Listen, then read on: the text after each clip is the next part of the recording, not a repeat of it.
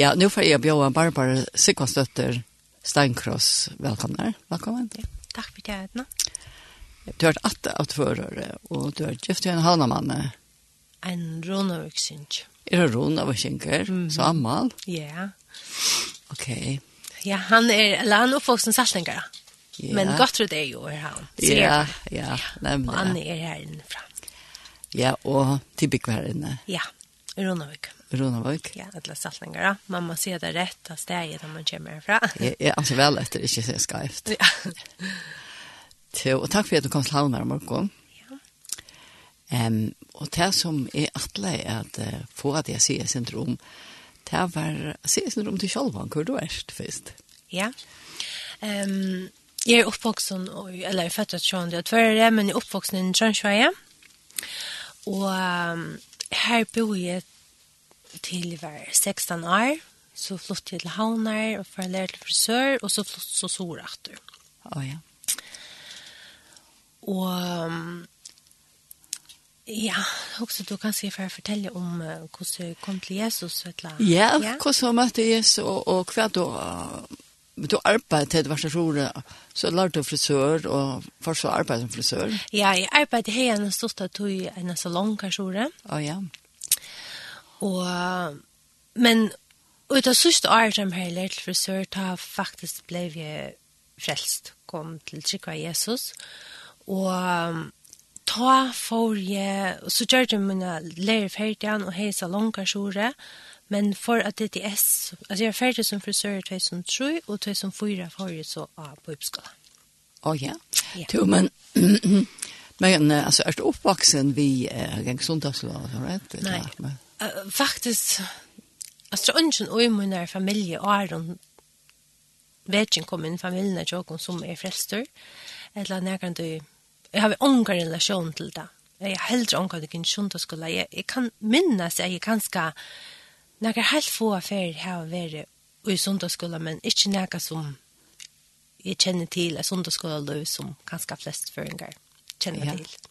Så hette jo noen år siden, ta var det, ta gikk vel de fleste som det skulle alltid. Ganske ja. flere nå. Ja. Men du har ikke forhold til det med kjølenshuset? Jeg har ikke forhold til det. Nei. Nei. Jeg visste jo ikke om... Altså, jeg... Ankt så da, nå da jeg ikke atra, så også så snet det var at jeg ikke visste at at emissionshuset var her, eller salen var her, eller nega sånn. Det er kanskje eisen tog man var unger, og hatt det var ikke... Äh, en parst av min liv, eller parst av liven til nøkron og familien kommer, så man har ikke noen relasjoner til noen sort. Så Man ganger bare har bo i hoksa og kjomta? Nei, det er var slett her. Hun kvar dunk til biltur vi. Jeg har ikke lov å si baptisten nå, men men det var sånn at nærmest jeg kom til noe. Ja. men jeg husker helst ikke om at jeg hørte en trikk som vær noe annet enn det som jeg heier. Altså, jeg skapte meg ikke en halv en tanke, näka som Nei. vi är så Um, Ehm, vad kom det så inn i myndene? Alltså det som så hände ju och var att um, mamma får uh, mamma min Kate, så Kate Sickvald är för äldre än mig. Ja. De, uh, mamma får att uh, husmøter her, stora. Og uh, altså, jeg husker at han personen av løven tror han kan ikke ha vært nämmer det. Jag gör det ikke særlig nämnt for henne. Og um, hon ble så frelst. Oh, ja. Og lorsa jeg ofte et lintene. og, og jeg slagt i utvarspe, og sier jeg vaska at det var altså for langt ute, at det var en grensa for hvordan nok man kunne gange på i seg trunna av Jesus, og, og hun sier ikke nok hver bare sin tur frialig, eller altså ikke frialig akkurat, men let meg sin tur reagere, og at hver er råkner vi at øyne nok folk har opplevd det ordentlig snedått. At hun bare plutselig ble frelst av en person som slik ikke hører til næka som helst. Så det brøttes alt, kjenne? Purast da. Ja. Altså, hun ble ordentlig, altså ordentlig frelst. Ja, som man skal og jøkken. Og i jøkken noen husmøte her som hun får til å være sjore. Veist du på jo for husmøte? Nei, jeg vet ikke. Nei. Men eh, jeg minnes at hun fortalte at uh, en av henne da hun er ved å møte misjonshusen noen, Alltså hon skilte simpelt inte vad sprätt kommer hon säger. Så hon går på hånden upp och spurte han. Det smär henne sagt. Menar till alla. Menar till alla. Han är allt som en sån lov uppleva. at jeg är jo just det. Ja. Men det kan skal tror at dere var så grøn i ödlorna. og kjente ikke til nære regler eller nære former av hos näka jag fyrs. Hvordan man oppfører seg. Hvordan man oppfører seg, faktiskt på en måte, ja. Um, ja, fantastiskt, ja det som så er at at ana han er Johan søkna, Alltså jeg Jack Sean du på innan og levde mot liv. Men du arbetade i eisen, ja terapihusen. Ja, ja, ja. Jeg arbetade i altså, i klubban og i terapihusen. Alltså altså i baren her. Ja. ja. Og sånn, de var nåren for akkurat da, og lærte til frisør, eh, eisene, eller liksom. Så alltså i varje skola några för och så arbetade jag ta i varje jour ja. Ja, oh ja. Mm. Tar skola, skola till när perioden är som tar till vår ja. Men um, det som så händer i mittelnesen här att um, jag sitter ett kväll och hittar Sjönvarsp och mamma kommer nian och säger att hon vill gärna be för mig. Det är en bön som, som man ber för sin första födda vattnet. Oh, ja. Jag var så irriterad, så får jag släpa i bara och så hittar Sjönvarsp och jag. Och med ja. Och med ja, och jag lustar slash etter hva hun sier. Hette her er så ganske månader en Johansökna. Och så han er Johansökna så sier man med att jag vill inte gärna bli frelst. Men jeg vet ikke hva jeg sier da. Altså jeg har mm. Jeg atler meg ikke å gange møter, jeg atler meg ikke å gjøre seg å drekke, jeg atler meg ikke så gjøre det. Og det som så henter at Øtnes ned er at mamma og pappa skulle nå retter. Han det en til havner. Pappa, pappa mun tar av er skrelstor. Han sier, nei, ta den. Sånn at jeg spør frelst, kan hun bo til morgen. Ja, nå får jeg også retter. ja, ofte sagt mamma, jeg husker ikke når jeg gjør det til det. No. Altså, så jeg ble så ikke tant frelst den dagen jeg atler meg. jeg ble frelst. For så bor vi en vinkel og bor jeg til Smyril kom atter den nesten Så du bor i ordentlig? Ja, jeg bor i ordentlig, og jeg vil bo i midten. Ja. Det Eller spesielt. Ja. Ja? Ja. Så faktisk slapp ikke slappsblød den fleste han der i Atlheimer. Og um, mamma det kommer så atter, og så sier vi så vinkene kommer som også vi um, prater om at i ble frelst i kveld, og hun er ikke hun har kommet ut vidt. Jo, og kjente jo hun ikke til det? Jeg halte faktisk at hun kjente synder til det. Oh, ja. Men jeg uh, vet ikke hvordan hun gjør det vitt det. Nei. Og for så ut til uh, en mann som er Hattler. Mamma er ringt til han og sagt at han kom ut for mer, eller hun kom ut for mer, og så så tjokker her pratet jeg om Jesus, og han, og jeg sier vi henne, jeg sier at min stadigvæk leve mot liv. At min stadigvæk kan gå på innom, og at min stadigvæk gjør det som jeg vil. Mm ja, ja, sier han. Det er akkurat han dotte øyelig vel, til han sier unga du vil med at du kommer og skulle kanskje gjøre noen ting du løver opp eller og noe sånt. Han bare snakker om Jesus og evangeliserer i så leis og visste meg bibelvers og Men jeg var evust om at jeg skulle bli frelst og leve mot liv, som jeg atlever, som ung. Ja, to, hvor helt du ville bli frelst? altså, hva skal jeg mene da? Nei, jeg vet ikke.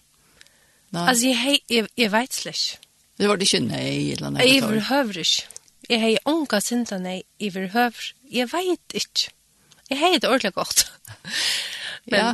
det som så hender er at jeg er tja uh, hattler, og, og mamma er og enda vinkonen kommer, og han byr for meg. Og jeg følte.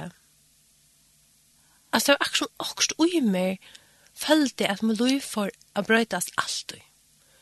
Og da og får herfra, så gikk jeg hjem. her, han bor ute i Fråpa, og jeg bor i Trøndsvei. Faktisk var mamma det flott ut av tvær, men, men og gynnsjukker hjem herfra. Og jeg følte at jeg omgående får til mot gamla liv attra, eller til å ganga et liv, et bojarliv attra alltså jag har slash planer om det är för in men att han har bröt det fullkomliga och i mig och i faktiskt som såringar så kanske man som jag och banan så illa men jag följde också som tant det är ju en porta Eisenberg väck och jag är ju gång pröv på det alltså jag tror jag förklarar det vad hände ehm att det är fantastiskt Gustav Anton som beina beinavägen sannfører til, altså. Ja, og, og det som man eisen skog som jeg kom jo opp fra ungar bakgrunn. Jeg har, altså jeg visste ikke. Jeg visste ikke om god og om bøyplene og om næga. Altså det er bøypelsøy i skolan kanskje? Ja, ja, og, ja. Det hadde jo kraft at sånn, det visste jeg sint om Jesus og bofei var og, og så, som, oh, ja. som kanskje man eier å gjøre, eller som man gjør. Um, det var bare, så jeg var fullkomlig av bæren da jeg får herfra. Um, men det var ordentlig deilig, akkurat som og ødelig har akkurat, altså jeg har haft mine oppvoksen en fantastisk heime, og jeg har simpelthen så god for eldre, men men det levde jeg sin tur kanskje. Råkall i en ungdom, som jeg skal si at det er sinte pent. Så, um, men jeg følte ordentlig gods fri og Guds rensan ta altså, bare, altså, utfra i sin husen ta i for herfra. Jeg har nok var bagasje ved ja. mig och mamma ringte så til eh, två folk altså, som öppnar horna for meg og tog sig av meg det første togene. Jo, men man får komme alltid til hattlor her, det du ja. først herfra. Ja. Altså, det er fantastisk. Det er jo størst ont det. Ja. Och bröjtest och i enon det er det. Altså, jeg, jeg har ikke gang til å atle det slett. Jeg vet ikke hvordan jeg skal si det år, og hvordan løy det atle er at Gud skulle takke over som han gjør det, men... Han var atle, ja. Ja, han visste hva han gjør det. Og det kan ikke forklares, det må erfares. Ja. Ha? Ja. Fantastisk, da har han vært og født av nødgjøn. Ja. Og alt brøttest. Alt brøttest det som var, jeg trykker det som helt mer, er sånn ordentlig fast, det var folk som åpnet horna for meg. Ah, altså ja. Janna og Morus her så det. De tog meg inn til sunn og tog seg av meg og i så første togene som er nøyfrelst og de hadde tilknyttet til misjonshus her så det. Opplærer det sin til det så rett? Eh, ja, låt meg snakke og låt meg oppleve at være frelstor eller vi ødlån eller så. Ja Ja. Men det var ikke nok ungdommer, så det. Så uh, mamma ringte når til Måne, og Mona og Jon Nelsen. Er det her sjore fra? De er her sjore fra, og mamma visste at Mona var frelst, og hun visste om det på en måte. Jeg vet ikke ordentlig. Jeg omgående møtte dem, og jeg visste ikke hvor det var. Mamma ringte til deg og sier, «Til dotter min er frelst, kan du ikke komme når til likom?»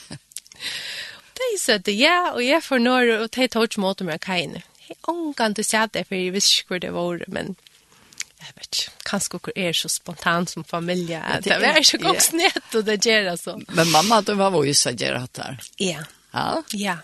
Og de har haft så stor antutning fire, fire med, tog de, altså, hvis det folkene, så likla personene som bare åpner sitt heim, og takkast er av en person som blir nyfrelst. Det er ja. fantastisk. Det er så tøtninger vi ikke, ja? Ja. Det er opplæringen så at han har. Ja. Du skal vi for høre en sang, helt da? Ja. Kan du også der? Jeg har valgt sanger som er fra Tutuine som ble frelst, og sangeren til Michael W. Smith, Smith, Like a Rose. Ja. Han har en stor tøtning for meg. Ja, vi får høre han.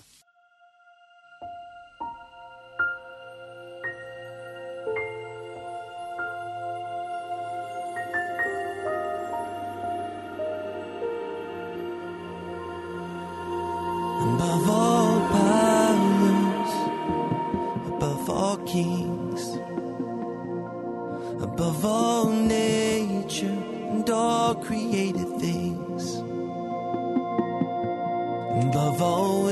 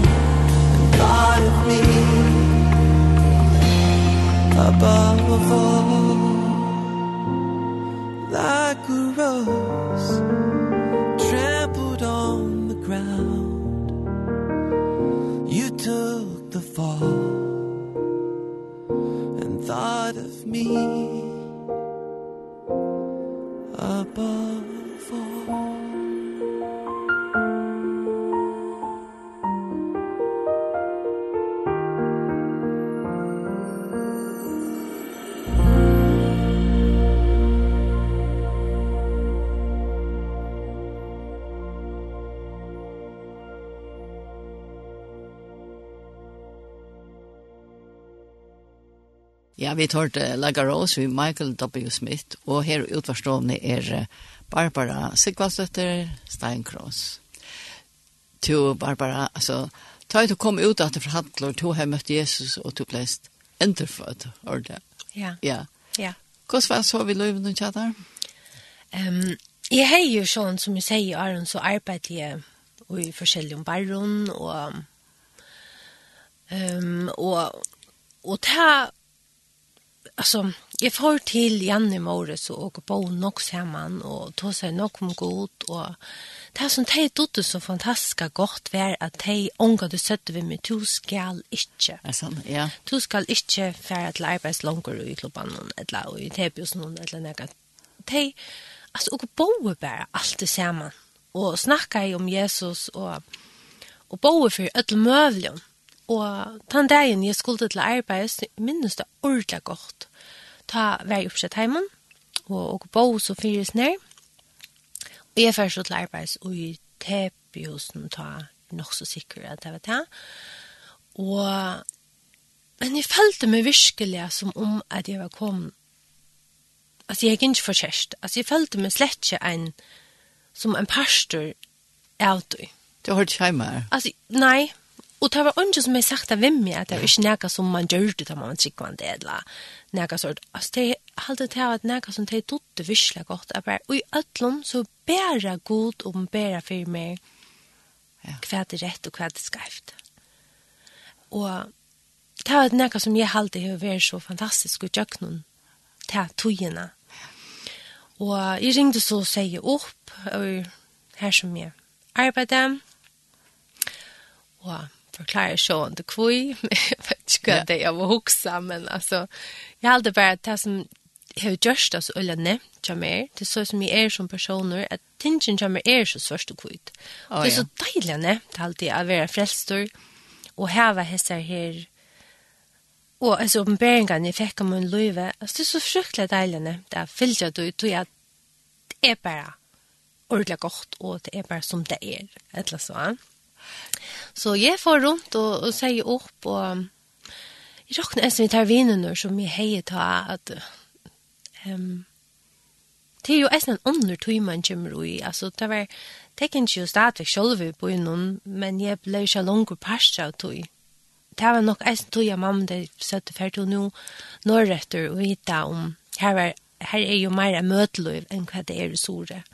Jeg har er ganske helst ikke ung som du kunne være sammen med. Ikke som Ikke på samme måte som de kom i oasene og i evangeliuset. Oh, ja. han fyr. Nei, det var, men det var um, øyelig deilt å kunne fære. Du, hvordan gjør telt du får at han er her, jeg ser opplevelsen at du først til havnar? Eller manar, at han er? Ja, det må nok hava vært nærgrunna. Ikke, ikke nok for manar, at han er. Nei. Altså, tror jeg at langt om åla søker tog, ta vært kom här varje kommer att kjenne folk ur evangelius. Oh, ja. Um, her som vi fyllt oss i. Ja. Og som eisne hjälpte meg i tjöknen. Hur gammal är du då, cirka? Jeg var 20. 20 ja. 20 år, ja. Ja. Ja. Så her var um, Sindra Örvus jag kom att låna. Ja, det var, alltså, åh, det tar ju också att och sånt bara, åh, jag har väl så lite vitande om allt och tar spurningar jag har sett och det, alltså, åh, det kan nästan bli flow, alltså lite jag har vita om bäget trunna og om Jesus og hva man gjør og hva man ikke gjør og hvordan man var øylet og hvordan man ikke var øylet men jeg også bare altså jeg har jo så god folk rundt om meg som ikke fordømte min måte å være på at det var bare god som ordnaði alt. Du, her har vi nekva at lære av. At her vi ikke at sier, du måste ikke, du måste ikke, men at bya og, Nemlig, og god taler, og, ja. og det er flest svart jo hele andre som taler og vittar. Ja, ja og en tar var en episode, jeg har forskjellige pyrsinger, forskjellige stedene, eller jeg har, vi minnes det, og jeg tar på åtene, så er pyrsinger tungene. Å oh, ja, ja, ikke mot pyrkjengen, og tatt veien til ikke ta for her jeg vil, men for meg, så det ene ferien er en dag når jeg vil ta Janne Måres, um, og greit å bie, og tåsa, om forskjellig, så følger jeg ganske hjem, og god sier vi meg om at jeg kan ringe ur dunkene. Og etter, jeg har ikke noe mot noen, dette er sånne ting som er mitt mer god. Ja. Og jeg gjør det. Her, Det er nattene da jeg er ferdig til Janne Morris, sitter og går bia, føler bare hvordan jeg heiter jeg bløy og nakken, og jeg føler at jeg fikk tungtallene. Ta, og, og fikk tungtallene. Ja. Og det var akkurat som, altså det var en fantastisk opplevelse. Men kanskje at jeg, at, altså ringer hun og i ødlom som var en symbol på en av forstudja mer.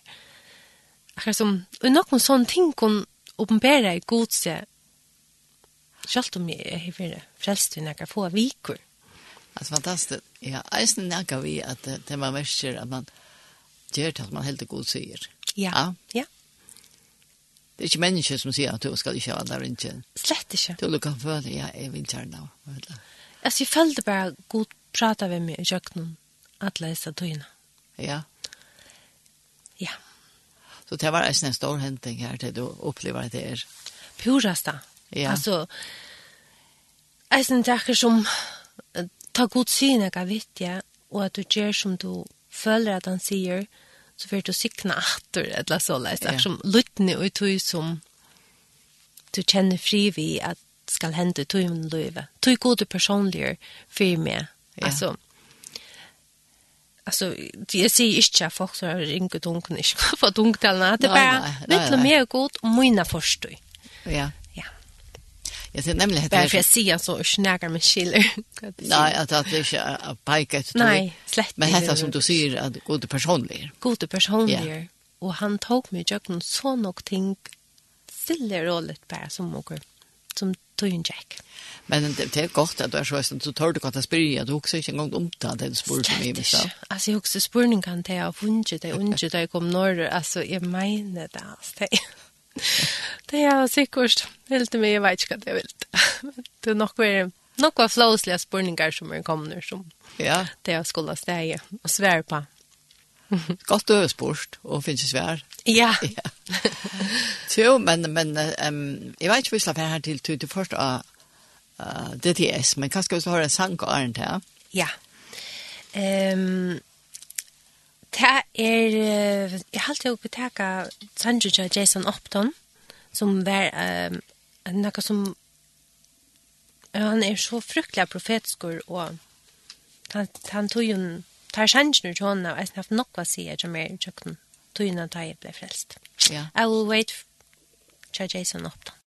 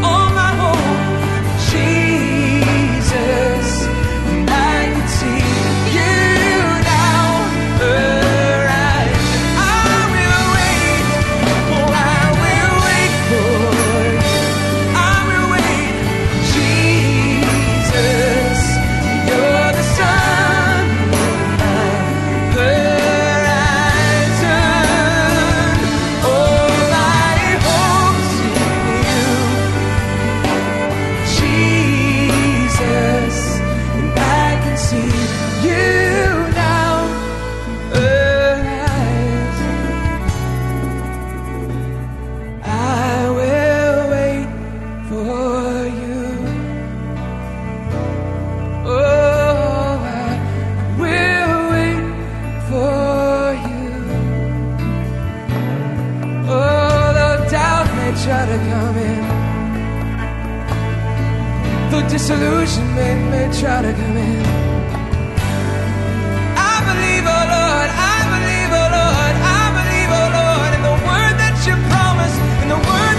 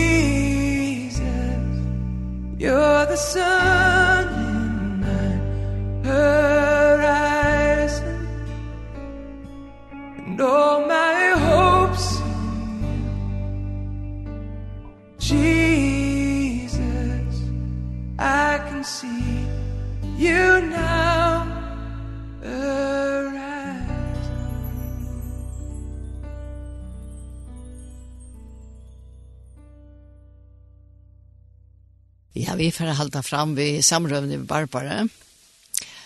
Du bara du nämnt det att du först av DTS alltså av lärsvarna skola tja Youth Mission som nu är ung eller som är försknad ung i tror jag värst. Ja. Ehm hur spelar det till för det eller har hört om det eller ja. Ehm Alltså, jag minns inte akkurat hur jag hörde om det, men jag råkade mig över Jöknun, antingen och Måne, eller Jöknun, evangelius, eller oasna om tatuina. Jeg har bare vært frelst og i minnen et år, da jeg var på oppskola. Og altså, det var affæret av DDS var beste avgjøren i Men nu låg ju vi att han blev frälst nästan. Jo, DTS er nekva sted, men hver först du var DTS? Jag var i förr. Jag har i havn. Av gripsvännen i havn. Tja Sanne Hammer. Tja Sanne Hammer, ja. Å ja. Ja. Og ta var, ta jeg var, så var Sanna Og Eistein og Svenhild, eh, som uh, tågjuser, som var leier av Bibelskolen. Å oh, ja. Og det som var så godt ved Bibelskolen var at, at det kjente så lydet til Jesus, og, og kom kanskje vi en bagasje og en er en er forstøy som kanskje hei nok var prosessa. Nok var arbeid vi, og nok var snakket om, og nok svar som skulle tjøkken gangast, eller så um, så bare til jeg kommer på uppskola og bruka så trutje måneder som er som, som for meg heter ordet noe å si, var helt fantastisk. Ja, tog jag ja, i beskriften då att det är stereo så tror jag man att lära god att känna ja. och det upplevde du.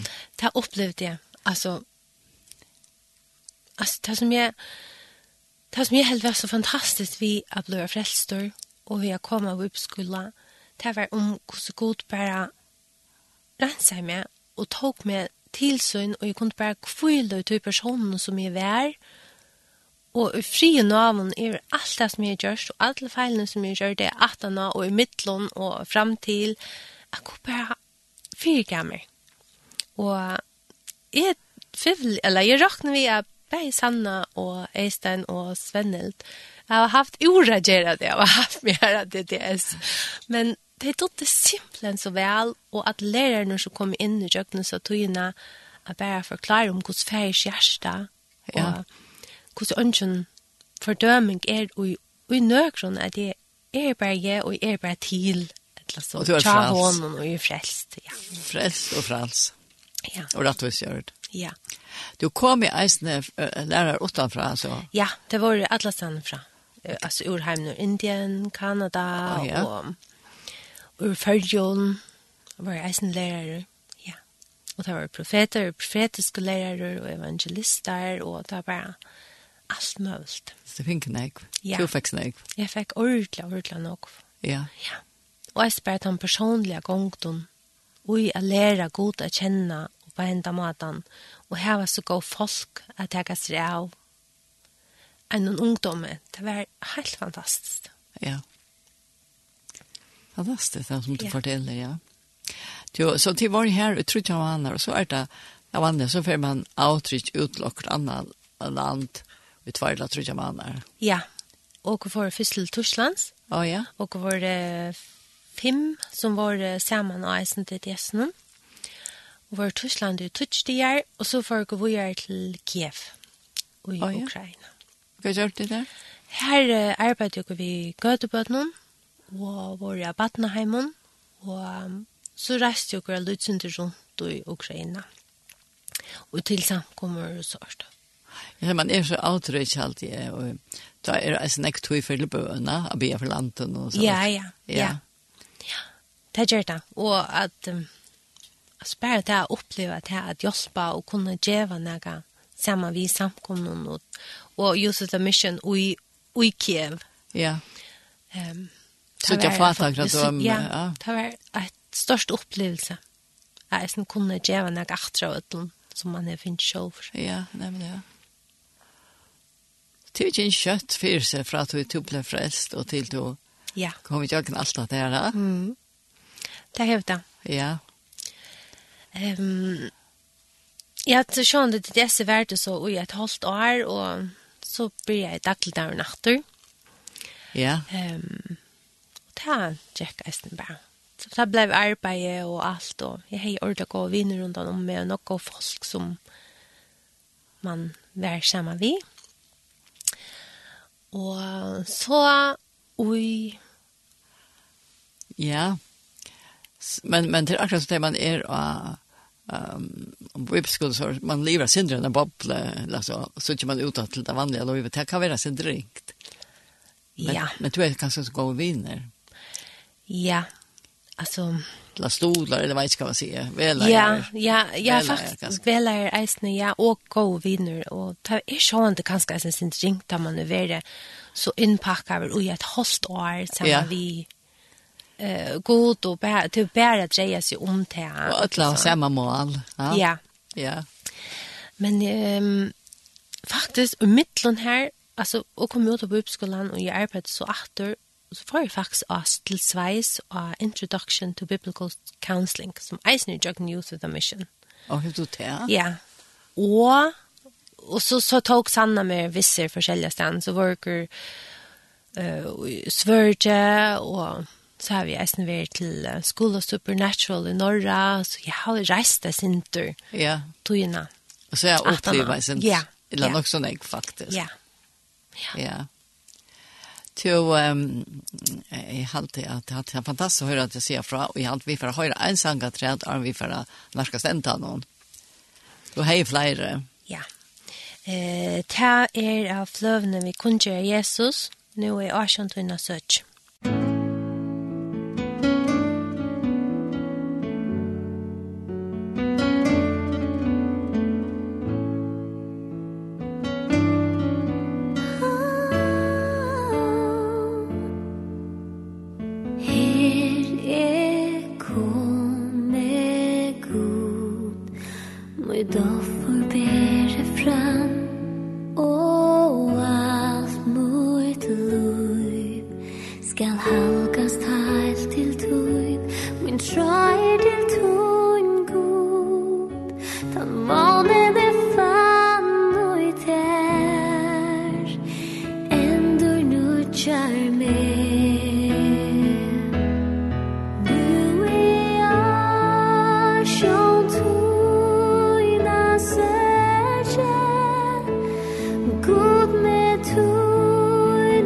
却。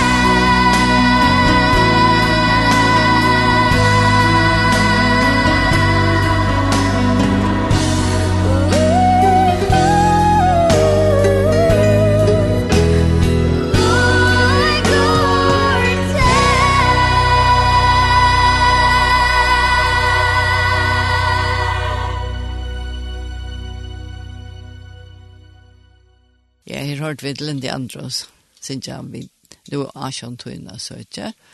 og vi får av nærkast enda når vi prater om vi, vi Barbara Steinkross. Tu og tu nu, tu er familie, og tu mann og bøten, og borti rona var nevnt. Ja. Jeg møtte mannen kommer i er 2006. Og um, jeg kan fortelle sin om det, det er jeg synes jeg var en særlig søve. Mm Ja, ja. og hvor spør jeg sånn, som nok under så blir vill jag köra bilturer først. Og, og och du, vet ikke hva det går. Korsbilder på det er, nei, vet. Men så foregår, så var en kona ur Afrika, hun var ur Sore, Elisabeth Sore.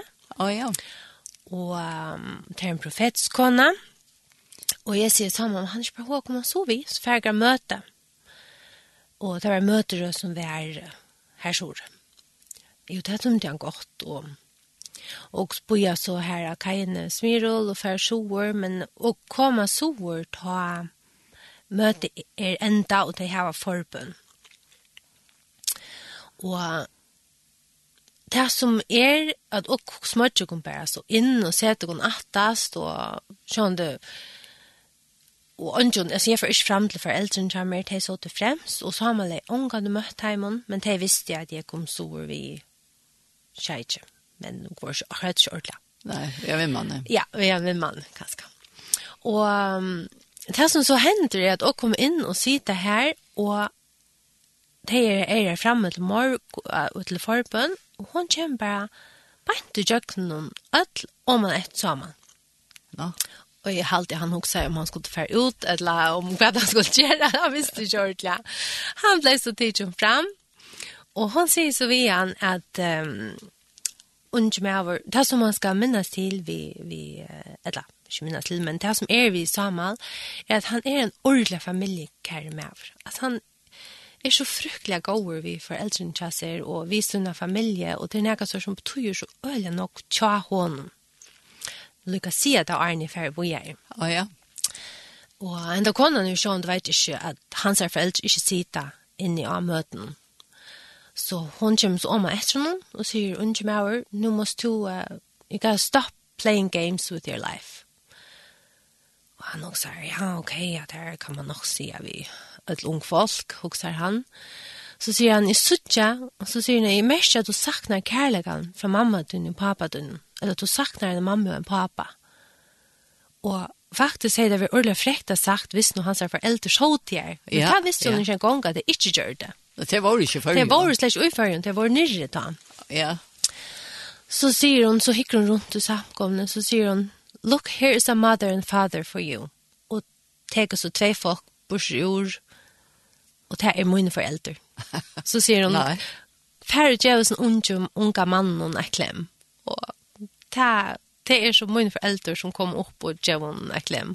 Og det visste hun ikke at dere var kom super. Nei, nei, hun visste jo inte. Hon visste jo ikke, hon visste inte at altså, det er så blev han så här svärförälder i det. Ja, det är fantastiskt. Det var faktiskt nog så fitt så va. Det var fint, jeg vet ikke vad man ska vara öliga särlig. Ja. Ja, det var virkelig visla särskilt upplevelse. Och samma hvordan reagerer han at han eller så? Ja, alltså han då och så kom hem och han så säger han alltså han han han blev pura alltså för jag vet inte han blev för bridgeower men alltså han blev pura Tisna bowl. Blev pura tystna bowl ja tror jag det var så störst upplevelse yeah. eller så. Ja, jag mött för äldre chatta var Nej, slett inte. Alltså han är ungad och att börja vara skärmen i fyra dagar. Och jag bor norran för det. Og han hei ongat, altså han visste ikke gang hvordan det så ut. Nei. Og akkurat da det hendte, da visste han helst ikke var mine foreldre som, som kom opp. Så. At det var utroligt, ja. Så fra til deg er å begynne i åker så. Åker løslei. Ja. Ja. Åker hadde faktisk vært sammen i trutja måneder. Tatt og ringe på. Og så ble jeg gift at han er fem måneder. Alltså jag vet inte Josh och dotter med Jörd det samma men men där Jack ölja short men och var helt så ölja ung alltså han är 26 jag var 23 ja. Ja, och det var gift och kusning var. Och jag var gift i 15 år nu. Ja. Vi har en virkelig deilig mann og en ordentlig deilig familie. Og jeg tror ikke jenter. Tror ikke jenter. Ja. Ja. ja. Så det har vært virkelig stort litt. Men det aller beste er at um, som jag plejer att säga, att ha godsätt och folk samman så, så har jag faktiskt ångan du kältast eller något. Alltså. Nej, det vart jag inte bara. Så att Löjve gång och sina lej. Nej, jag har alltid varit ofta och då man fortäller sådana söver och det, att så, så viskar det som allt. Ja, det ska viska så perfekt och så. Men det är väl en virkelig, virkelig, virkelig fantastisk tog i sammen vi med manne og gode og her som hun er i det och alt. Ja. Ja. Till Barbara, nu til Big var inne, är du så aktiv i jag samkomme?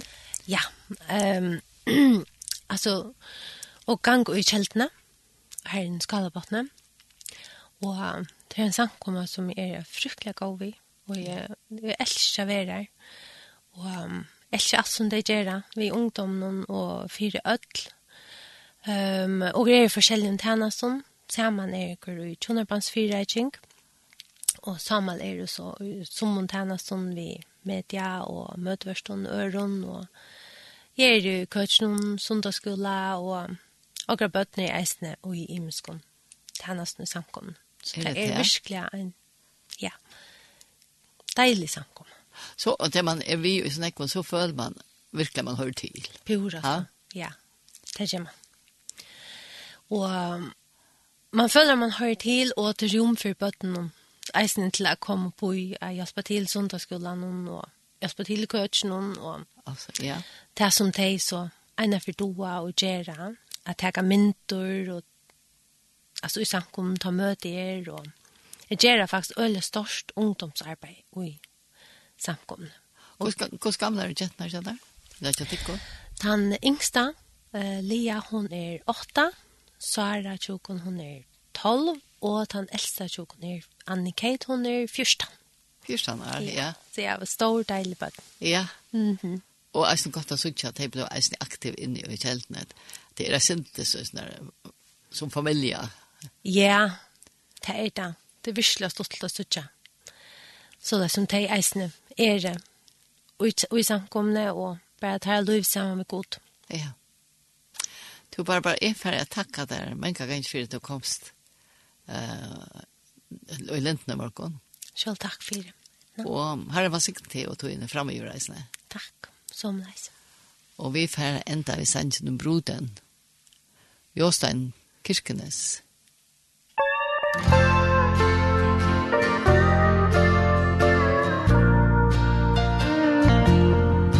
Hvem er hun som så stille og yndig skrider frem på rettferdighetsvei. Hennes hjerte forakter alt syndig.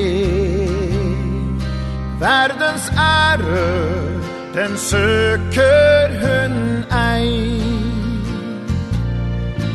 Det er bruden på vei til sin brudgård. Han har fått hennes hjerte og sinn.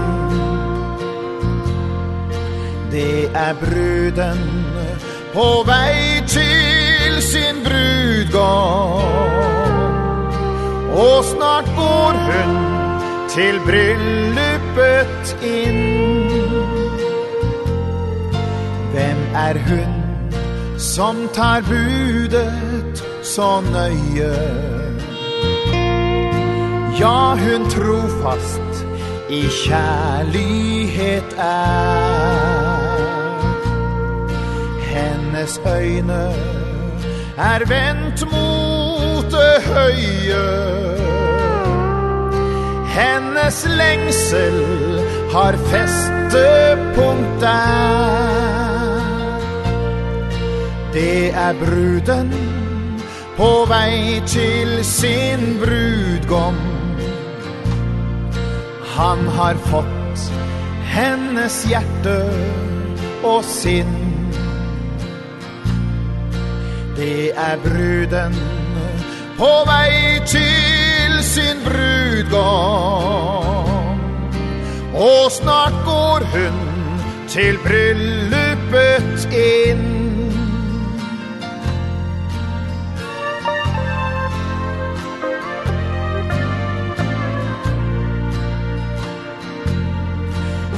er hun som foraktet må vandre.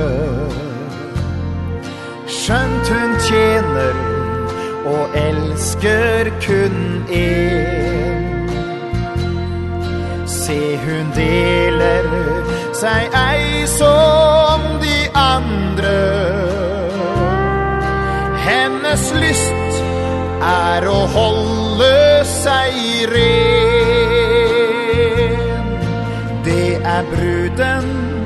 på vei til sin brudgom. Han har fått hennes hjerte og sinn. Det er bruden på vei til sin brudgom. Og snart går hun til bryllupet inn. er hun som i trengsel seg fryder og som ler av den kommende tid. Hun forkynner de hellige dyder og hun gjør det med alvor og flir er bruden på vei til sin brudgom. Han har fått hennes hjerte og sinn. Det er bruden på vei til sin brudgom. Og snart går hun til bryllupet inn.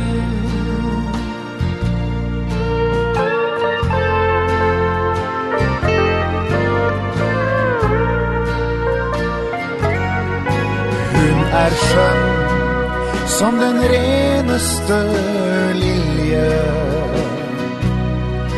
Som blant torner Så duftende står Hennes mat er å gjøre Guds vilje. Hennes lykke for evig består. Hennes lykke for evig består.